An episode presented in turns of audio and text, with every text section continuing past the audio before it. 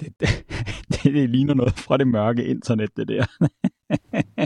det er sat med også dark web, det her, du.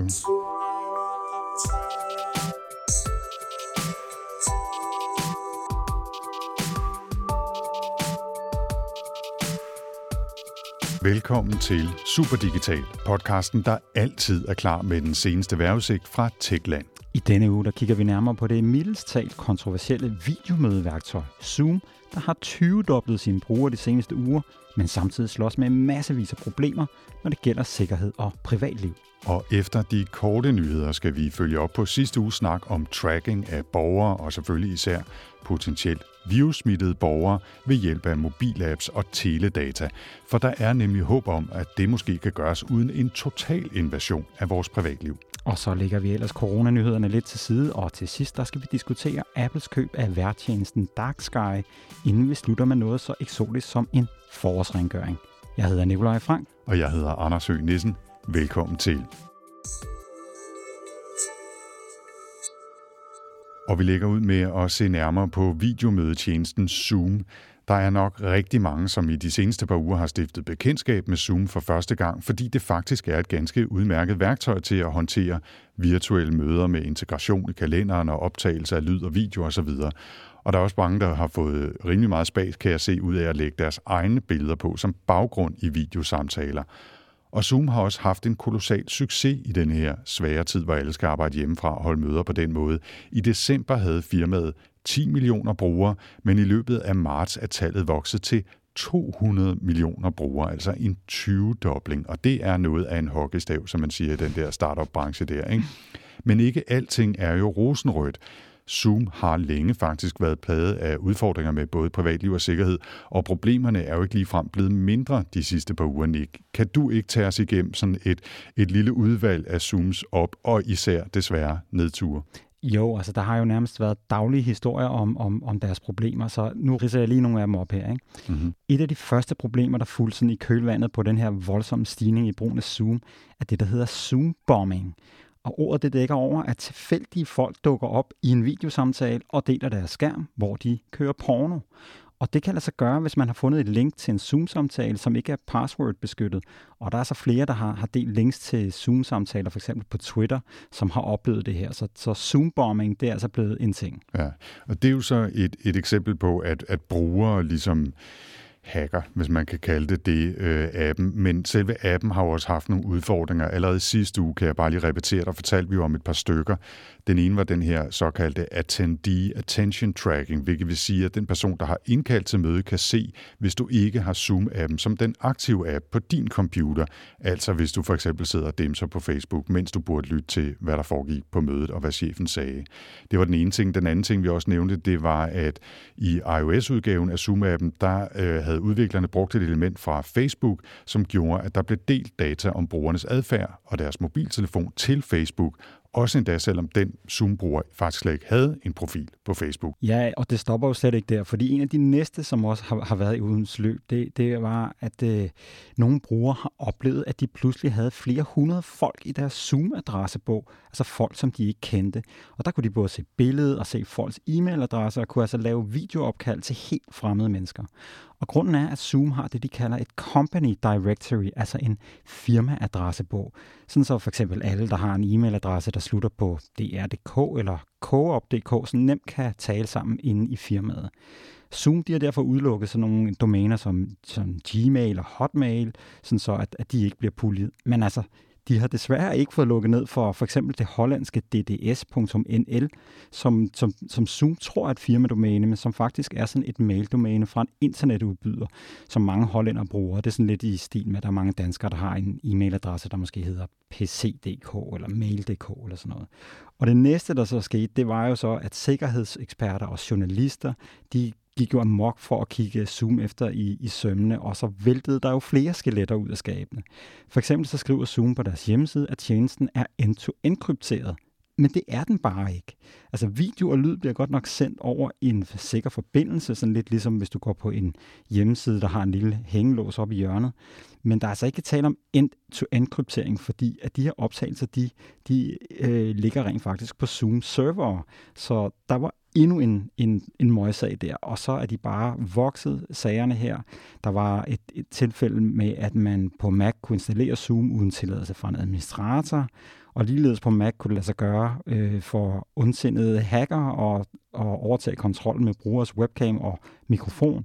Og på Windows kunne det lade sig gøre at stjæle en brugers brugernavn og password sådan via links, man har, har sendt i sådan den tilhørende tekstchat, hvis, hvis nogen klikkede på dem. Så mange, mange møgsager det er jo helt crazy, øh, som det bare er væltet øh, ned over dem, ikke? Og, og det er selvfølgelig i en eller anden grad deres, deres, egen, deres egen skyld. Ikke? Øhm, men, men de har trods alt reageret. De rettede den der iOS-fejl, altså hvor der blev sendt data til Facebook øh, tidligere på ugen. Og så var de jo også ude med en hel øh, blogpost her, øh, var det 1. april ikke, øh, i onsdags, og, og skrev om, hvad de havde tænkt sig at gøre nu. Og, og, og måske det mest overordnede og vigtige er, at de har sagt, det vi gør de næste 90 dage, altså de næste tre måneder, det er, at vi fokuserer på at få styr på de her udfordringer, de her problemer, vi har med sikkerhed og privatliv. Vi hiver eksterne eksperter ind, vi dropper at udvikle nye features, øh, vi, vi, vi laver en rapport, hvor vi, vi fortæller om, hvordan vi samler data, hvordan de bliver brugt osv., en transparency report, som, som, som de kalder det. Ikke? Så de siger simpelthen, okay venner, vi, vi kan godt se, det er helt, det er helt galt det her. Nu, nu kaster vi altså over, os over det her, og det her, det er vores fokus de næste tre måneder.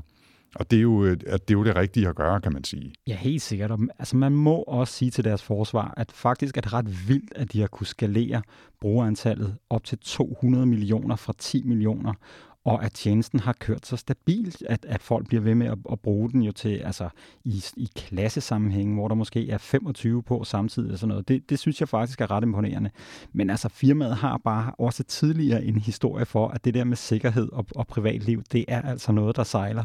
Så det er, det er rigtig godt, at, at de tager hånd om nu, nu, hvor altså hele verdens befolkning har besluttet sig for, at lige præcis den her tjeneste, det er den, vi skal bruge til at snakke med hinanden. Ja, og det er jo fordi, den har en masse fede features, ikke? Og, og selvom øh, jeg også kan huske fra allerede tilbage, er det et over et år siden, at det sådan for alvor kom frem, at de havde nogle udfordringer i forhold til, hvordan de øh, blev installeret, især på Macs og så videre. Apple måtte sende den her opdatering ud, som, som virkeligheden var rettet på at, og, og rette fejlen, som, øh, som Zoom havde lavet, eller at den måde øh, Zoom fungerede på, så har jeg jo også stadigvæk brugt det, fordi det for mig har været den nemmeste måde, for eksempel at øh, interviewe og optage interviews, øh, jeg har lavet med, med folk, der har siddet et andet sted eller i udlandet. Ikke? Øh, og så er det jo, man sidder den der klassiske med, når men det er bekvemt og nemt at bruge. Ja, okay, så ved jeg godt, der er nogle problemer med privatliv eller sikkerhed, men, men det er altså nemt at bruge. Ikke? Og, og, og, og så en anden ting, jeg tænker på, er, hvor mange apps og tjenester, der vil kunne overleve ikke bare at skulle skalere 20 gange på altså tre uger eller noget den stil, ikke? men også at komme under den form for øh, opmærksomhed, som Zoom har været de sidste par uger. Ikke? Altså, der er jo tusinder garanteret af sikkerhedseksperter og privatlivseksperter, der virkelig er, er gået igennem Zoom med en tætte kamp, fordi der lige pludselig er så mange, der bruger den, og fordi den er blevet så vigtig. Og jeg gætter på, at der er rigtig mange også af alternativerne, som sidder lige nu og scrambler lidt for at rette nogle potentielle problemer, fordi de ikke vil risikere at komme i samme, øh, på samme varme pande. Ikke? Og skal vi måske lige her til sidst afrunde med netop, hvad er det for nogle alternativer, der er derude, Anders? Ja, der er jo nogle øh, store, som, som mange sikkert kender. Altså Skype er jo et oplagt alternativ. Øh, Google Hangouts eller Google Meets, hvis man har en, en firmakonto. Så er der Microsoft Teams, som jo også er gratis gratis tilgængelig og, og, øh, i, i de næste måneder. Og Slack kan faktisk også, hvis man øh, betaler for en konto inde i Slack. Og så er der nogle lidt mindre. Øh, der er en, der hedder Whereby. Øh, den hed tidligere Appear In som også fungerer udmærket. Og så er der en, der hedder Jitsi, som øh, jeg faktisk må indrømme, at jeg ikke øh, har prøvet nu, men som rigtig mange øh, anbefaler, fordi den er krypteret, den er open source, øh, man kan selv installere en udgave på en firmaserver, så man ikke øh, risikerer, at data bliver sendt øh, andre steder hen osv. osv. Og så er der jo også ting som at bruge FaceTime, hvis man er i æbleland. Så der er rigtig, rigtig mange værktøjer. Generelt vil jeg bare minde folk om at, at huske sikkerhed og privatliv, og tjekke op på, om, øh, om der skulle være Zoom-lignende problemer med nogle af de her øh, apps, og det, og det kan man jo prøve at søge sig frem til, hvis man vil kaste sig ud i et eller andet, før man gør det.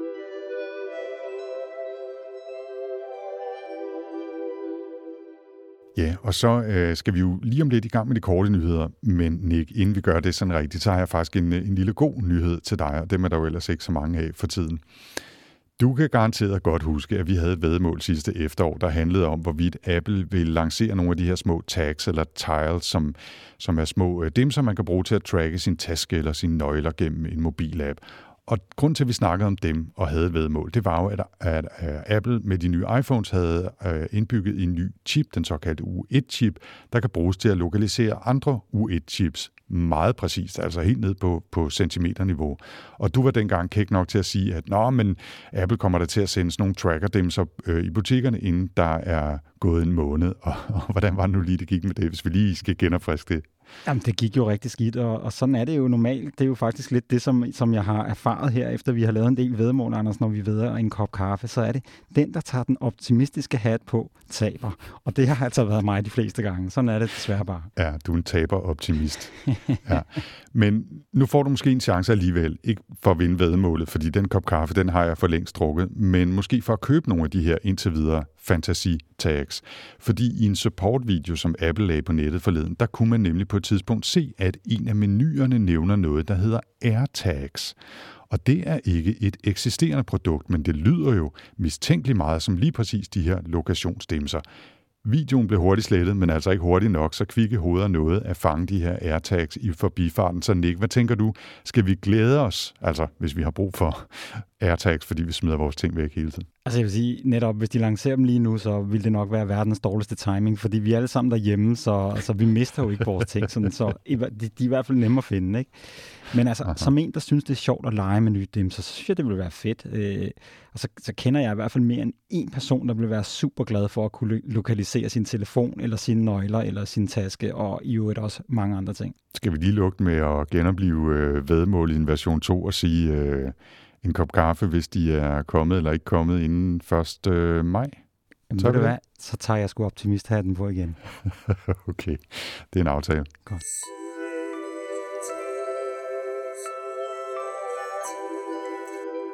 Og så er det blevet tid til ugens korte nyheder, og Nick, du får lov til at lægge ud.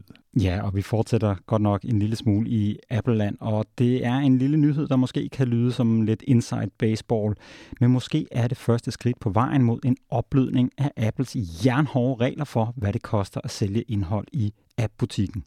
I hvert fald har Apple nu for første gang gjort det muligt for blandt andre Amazons Prime streamingtjeneste at udleje eller sælge adgang til film og serier igennem Amazons Prime iOS-app, men uden at Apple tager sin berømte 30% skat, eller hvad man skal kalde det. Ikke?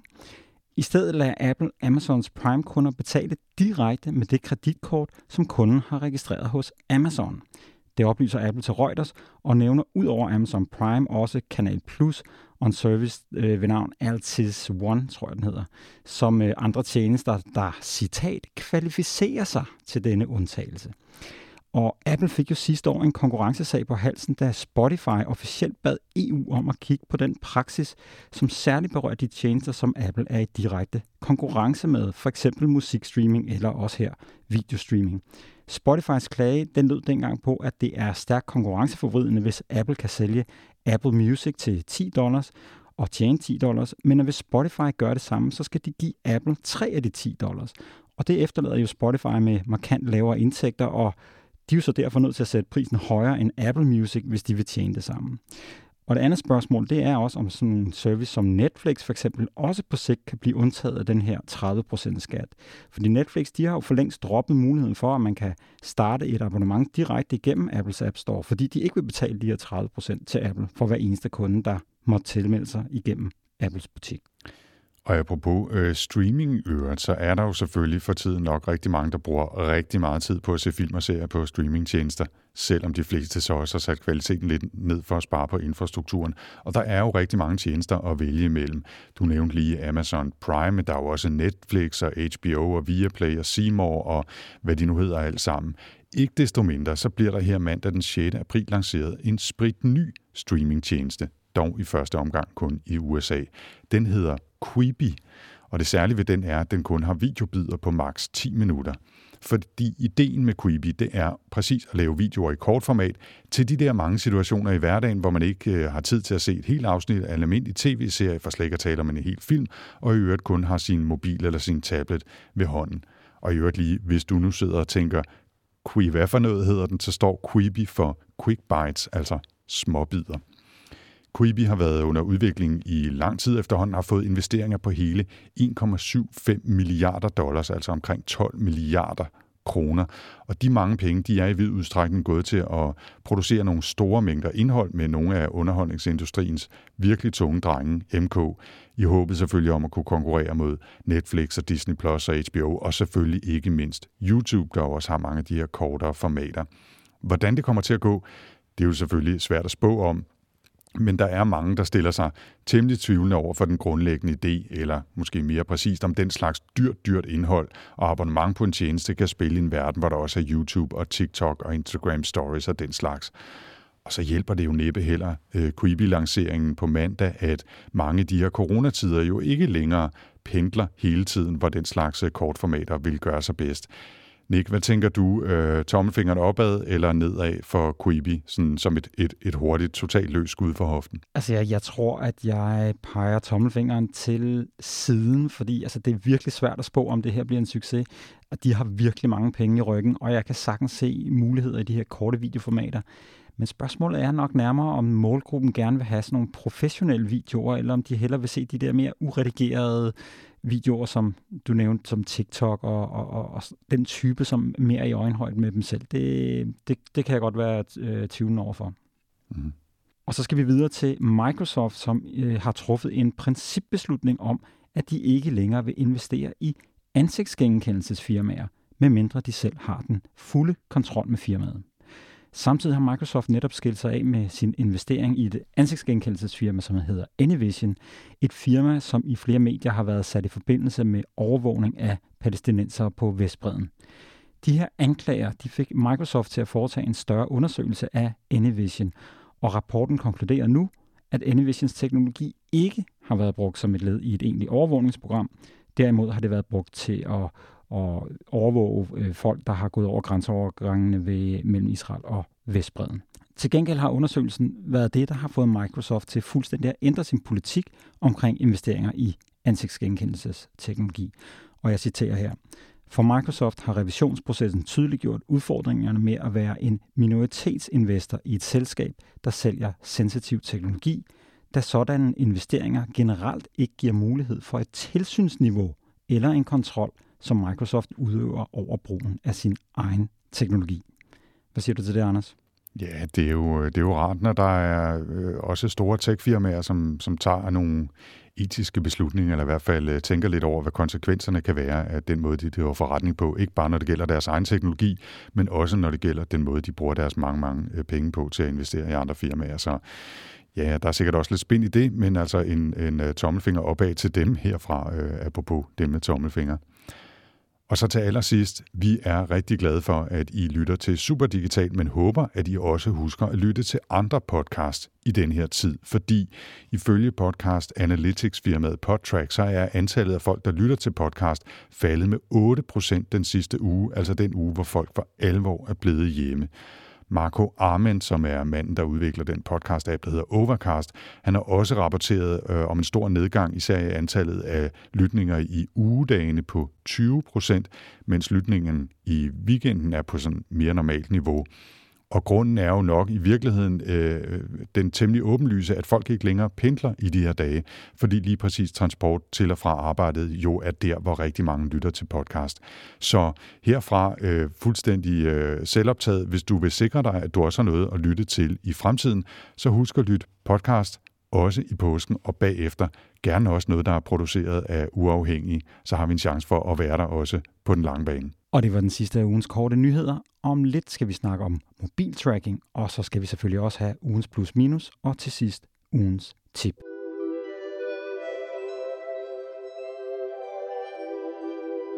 Ja, i sidste uge der talte vi jo øh, lidt om brugen af mobiler til at tracke eller overvåge folk, og selvfølgelig især smittede. Blandt andet så var Statens Serum Institut, SSI, jo ude og lufte ideen om at, øh, at bruge teledata til at holde øje med befolkningen, hvilket jo fik en del, inklusiv mig selv, må jeg sige, til at gå sådan lidt i sølvpapir-hatte-modus. Ikke? Men der er mange måder at takle den her udfordring på, som ikke nødvendigvis er et kæmpe overgreb mod folks privatliv, og man behøver jo ikke gå lige så drastisk til værk, som de har gjort for eksempel i Kina, og var det Polen også, hvor man havde indført en eller anden app, hvor folk skulle tage billeder af sig selv og sådan noget. Ikke? I EU der har otte lande og 130 forskere slået sig sammen for at udvikle en mobilapp, der skal hjælpe med at kortlægge virusens spredning og advare folk, hvis de har været i nærheden af smittet, men uden at sundhedsmyndighederne eller andre skal kunne tracke borgerne i hoved og røv. Ideen er kort fortalt at bruge Bluetooth til at registrere og logge, hvilke andre Bluetooth-dimser ens mobil har været i nærheden af. Hvis man så senere bliver testet positiv, så kan appen sende en advarsel til de mobiler, den har været i nærheden af de foregående dage, eller altså omvendt, at man kan modtage en advarsel, hvis man har været i kontakt med en, der så er smittet. DTU-professor Sune Lehmann er med her fra Danmark og siger til DR, at de er ret sikre på, at de kan lave sådan en app, så den er så godt som fuldstændig overvågningsbeskyttet, og at man i øvrigt slet ikke kommer til at samle lokationsdata, men udelukkende nærhedsdata. Ja, og jeg, jeg må indrømme, jeg synes, det lyder som en helt fantastisk tilgang. Jeg synes faktisk, at det er et super tiltag, og hvis det kommer til at fungere, som de siger, øh, så vil jeg da også anbefale alle egentlig at, at installere appen. Øh, det kan jeg i hvert fald ikke se nogen grund til ikke at gøre. Og i særdeleshed så er det jo rigtig fint, fordi at alternativerne, som du også nævnte, Anders, vi har set derude, de er ret grænseoverskridende. Jeg så en, en lille video på BBC, hvor de sådan øh, lidt explaineragtigt viste, hvordan det er, man øh, har, har gjort i Kina. Og det er altså rimelig sindssygt, når du ser, hvordan sådan et øh, national ID-kort, der er forbundet til, til telefonen, gør, at de har tjek på alle, hvor de er henne. Ikke? De tracker deres lokation hele tiden. Alle borgerne får enten en grøn, gul eller rød QR-code, sådan afhængig af øh, deres coronastatus, om de øh, ikke er smittet, eller om de er i farezonen for det, eller om de er smittet, og så tracker de alle, der kan have, have været i nærheden af. Ikke? Og så, så bruger de det også til for eksempel at sende tekstbeskeder ud, hvis du har været i nærheden af en smittet. Og det er jo sådan set det, vi gerne vil opnå også med den løsning, som vi hører her, det er jo, at du får en besked øh, hvis, hvis du har været i nærheden af en, der er smittet, så du kan tage dine forholdsregler. Men, øh, men hvis man kan, kan undgå alt det her med lokationen og, og andre sådan, øh, grænseoverskridende tiltag, så, så er det jo fantastisk. Jo. Ja.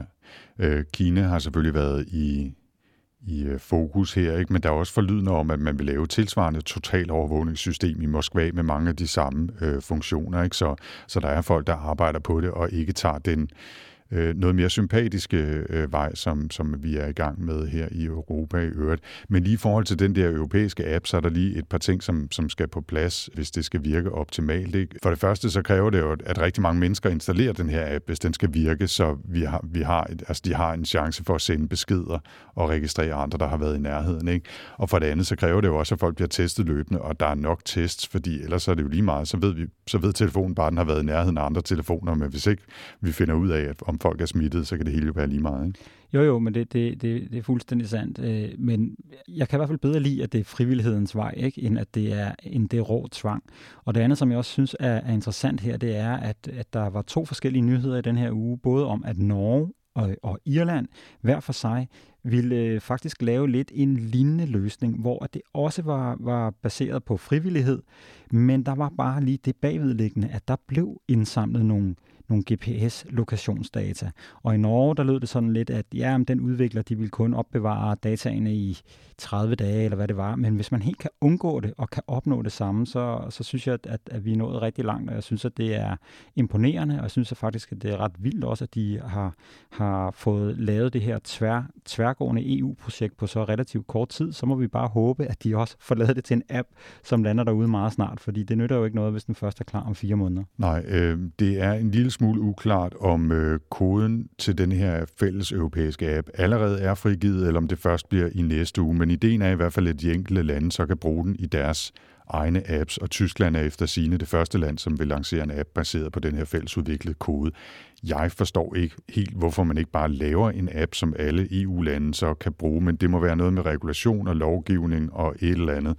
Lige meget, så længe koden er derude, og vi kan rykke hurtigt øh, på at lave den. Men vi, vi har altså ikke nogen øh, dato for, hvornår den her danske app bliver udviklet, så vi alle sammen kan installere den, hvis vi, hvis vi vil. Det er, det er lidt uklart for mig i hvert fald. Og så var du også stødt på et enkelt alternativ derude, Anders, til en app. Ja, det er jo det sådan, øh, til ikke helt generelt brug i befolkningen, men til, øh, til personale, for eksempel på sygehus eller ansatte på varelager eller, eller andre øh, steder, hvor mange mennesker er i nærhed af hinanden, fordi de løser nogle funktioner, som skal til, hvis samfundet skal køre på, på pumperne, sådan som vi gør nu.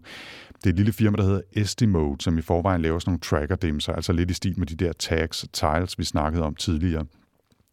Og, og ideen er, at man bruger dem til at gøre det samme, som den her europæiske app skal kunne, men altså i hardwareform. Og Estimode har lavet sådan forskellige versioner, både et lille armbånd, en lille dims, man kan sætte i bæltet, og et kort, der kan bæres i en, i en snor om halsen. Og de løsninger kan måske rulles nemmere og hurtigere ud, hvis man skal have en masse ansatte med en masse forskellige mobiltelefoner til at installere apps, mobiler, som de måske slet ikke har på sig, hvis de for eksempel arbejder på et sygehus og står inde på en operationsstue, eller hvad ved jeg. Og det er jo faktisk en meget smart løsning. Det er ikke noget, man sender ud til millioner af borgere i et land, der er en app meget bedre. Men hvis man har øh, 500 eller 1000 medarbejdere et sted, så kunne det faktisk være en, en løsning. Jeg skal lige sige, at det er, det er tidligt. Vi kender ikke øh, den her hardware, vi ved ikke, hvordan den fungerer, selvom Estimate har lavet tidligere ting øh, som, øh, i samme stil, som fungerer fint. Og vi ved heller ikke, om de overhovedet kan, kan producere nok til, at det giver mening i det store billede. Men jeg synes, det er interessant, at der bliver arbejdet på forskellige løsninger, som ikke kræver total overvågning øh, i de her tider. Ikke? Helt enig.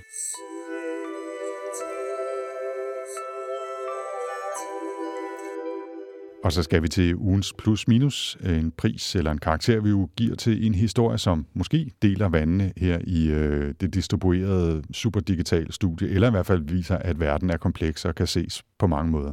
Ja, og vi overgår altså ikke flere coronadilemmaer i den her omgang, så vi har valgt øh, noget, der er i den lidt mere lette afdeling. Det er gurketid i tech så de her små nyheder, de vokser sig nogle gange ret store, og det var tilfældet også i den her uge, da det kom frem, at Apple har købt en vejr-app, som hedder Dark Sky. Dark Sky har særligt to ting, som har gjort den ret populær i USA. Den har sådan hyperlokale og angiveligt ret præcise vejrudsigter, og så har den i modsætning til rigtig, rigtig, rigtig mange andre vejr-apps et sundt forhold til privatlivet. Anyways, Apple har købt den her app, og det første, de gjorde, det var at trække Dark Sky fra Googles Play Store, så Android-brugere kan altså ikke længere købe appen. Og fra 1. juni, der er det altså slut for de Android-brugere, der allerede har erhvervet Dark Sky. Fra den dag af kommer der ikke flere vejrudsigter i appen. Så spørgsmålet, vi skal diskutere her, det er, er det det, man på engelsk kalder for et dick move af Apple, at de bare råt fjerner den fra, fra Android-brugerne, eller er det fair nok? Altså, de har jo købt en app, og, og det er en app, som de formentlig har tænkt sig til at bruge til at udvikle en ny apple Wear app og sådan nogle, de lever jo mest på Apples egne produkter. Anders, hvad siger du? Du lægger ud.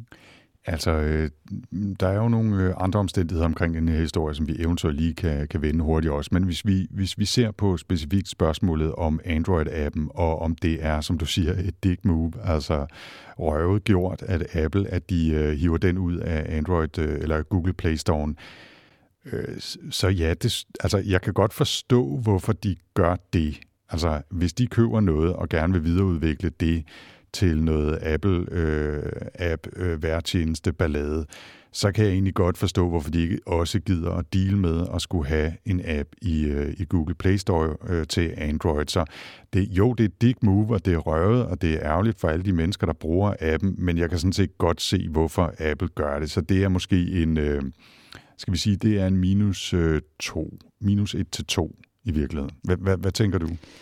Jeg, jeg, jeg synes, jeg synes, det er lidt småligt. Det må jeg sige, det der med, at man bare fjerner appen med det samme. Men hvis man har nogle helt andre planer for den, end, end at skulle øh, køre det videre som sin egen app, men faktisk har tænkt sig at bruge nogle af de teknologier, og, og, øh, der ligger bagved til at, at lave sin egen app, så giver det jo god nok mening, at, at, at det ikke er noget, de har tænkt sig at videreføre ind i et Android-univers.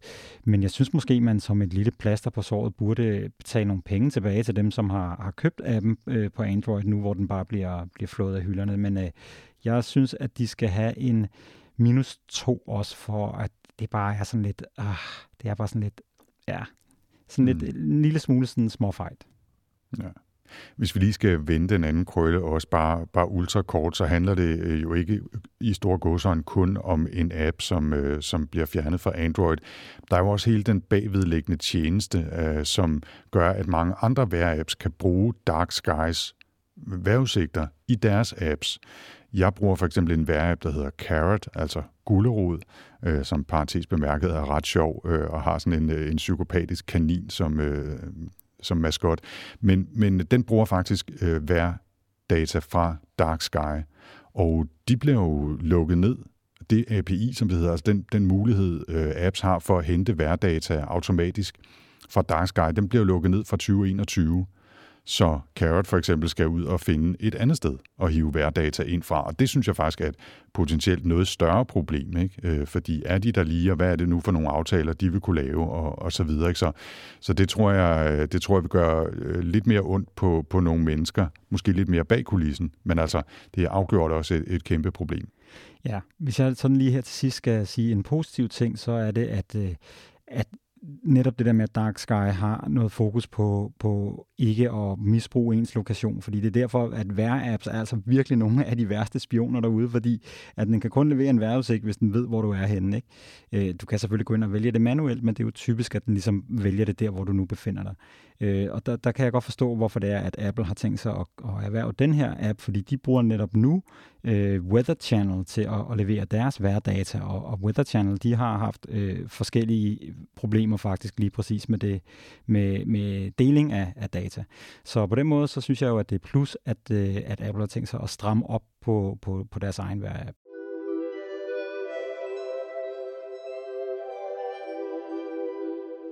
Og så lige her, inden vi lukker og holder påskeferie, så et lille tip til jer derude, der har masser af fritid i de kommende dage, men desværre ikke kan tage i sommerhus eller på ferie, men skal blive derhjemme. Nu kan det jo være, at man er lidt træt af at sidde sådan foran skærmen, men alligevel vil vi gerne opfordre til, at man laver lidt digital forårsrengøring, så både computer og mobil er frisk og klar til, at vi går i gang igen på den anden side af påsken. Og Anders, du har kigget på nogle forårsrengøringstips. Ja, man kan jo lave øh, digital forårsrengøring på mange måder. Det kan være, at man sletter gamle brugerprofiler hos tjenester, man ikke længere bruger, eller man laver nye passwords til de vigtigste tjenester og apps, eller man installerer blogger i sine browser osv. osv. Men lige i dag, der fokuserer vi på et oplagt sted at starte, nemlig at rydde op på harddisken, og måske også i de mange apps, man har på sin mobil. Og hvis jeg nu lige skal starte, så findes der en række fine apps, der kan hjælpe med for eksempel at finde de store filer, som ligger på harddisken og tager plads, men som man ikke længere har brug for. Det kan være videoer, man har downloadet eller gamle apps.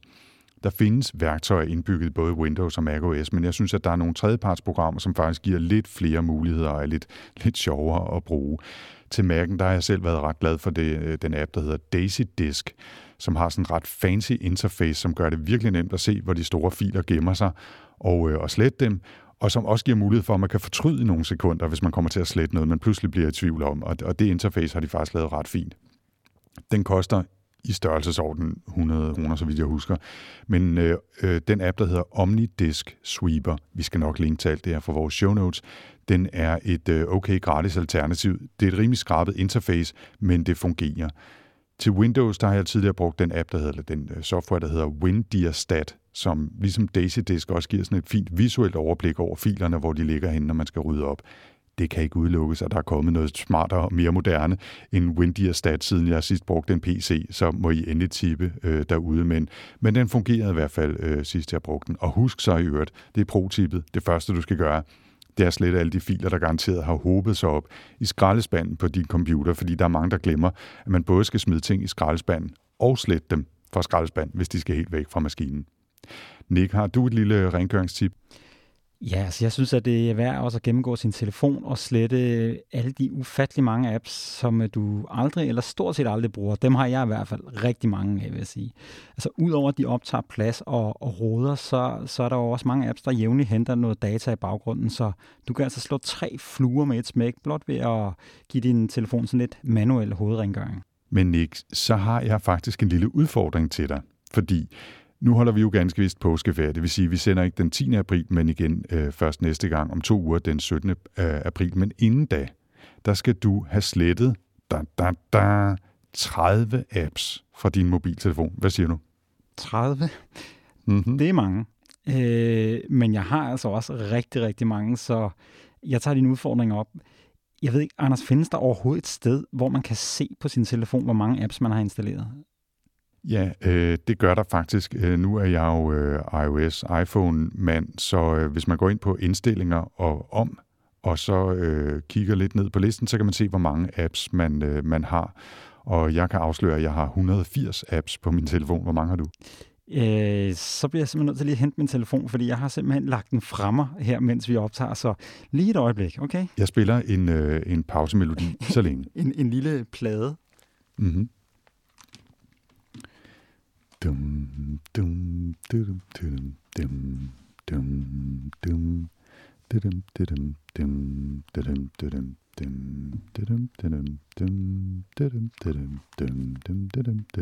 dum, så er jeg tilbage igen. Hvor var det, jeg skulle være henne, siger du? I indstillinger? Indstillinger. Om. Om. Ja. Og så kan du scrolle lidt ned og se apps. Oh my god. Ja. Der står... Du får lov at gætte, Anders. Øh, 420. 369. Okay, det var ikke helt, det var ikke helt skævt. Det er godt Om, nok så skulle det være nemt at finde 30. Det er lige ja. før, jeg har lyst til at skrue op for udfordringen og sige, at du skal slet 50. Okay, øh, lad os sige, at 30 er det, jeg har gået med til, men hvis jeg kan klare 50, så, så gør jeg det. 300, så får du en bonus. 369 apps, det er jo Du får en kop kaffe, hvis det er 30, og du får lov til at hælde mælk i, hvis det er 50. Det er vores aftale. Det er en aftale. Okay, fedt. Og med det slutter Superdigital her den 3. april, og husk altså, at vi holder påskeferie næste uge, så vi først er tilbage igen den 17. april, hvis verden ikke er eksploderet i mellemtiden. Og vil du i kontakt med os, så kan du som altid finde os på Twitter på Superdigital nu. Du kan også skrive til os hver især på Twitter. Jeg kan findes på Anders Stade 4ND3RS. Og jeg hedder Nikolaj Frank. Du kan selvfølgelig også besøge vores hjemmeside superdigital.nu og finde information om podcasten og om os med links til de ting, vi har talt om i dag. Og så kan du skrive til os på e-mailadressen hej superdigital nu. Og hvis du bare har lyst til at læse nogle af de ting, som vi også har skrevet i den forgangne uge, så gå ind på techliv.dk. Vi høres ved om to uger denne gang. Ha' en rigtig god påske, og pas godt på jer selv derude.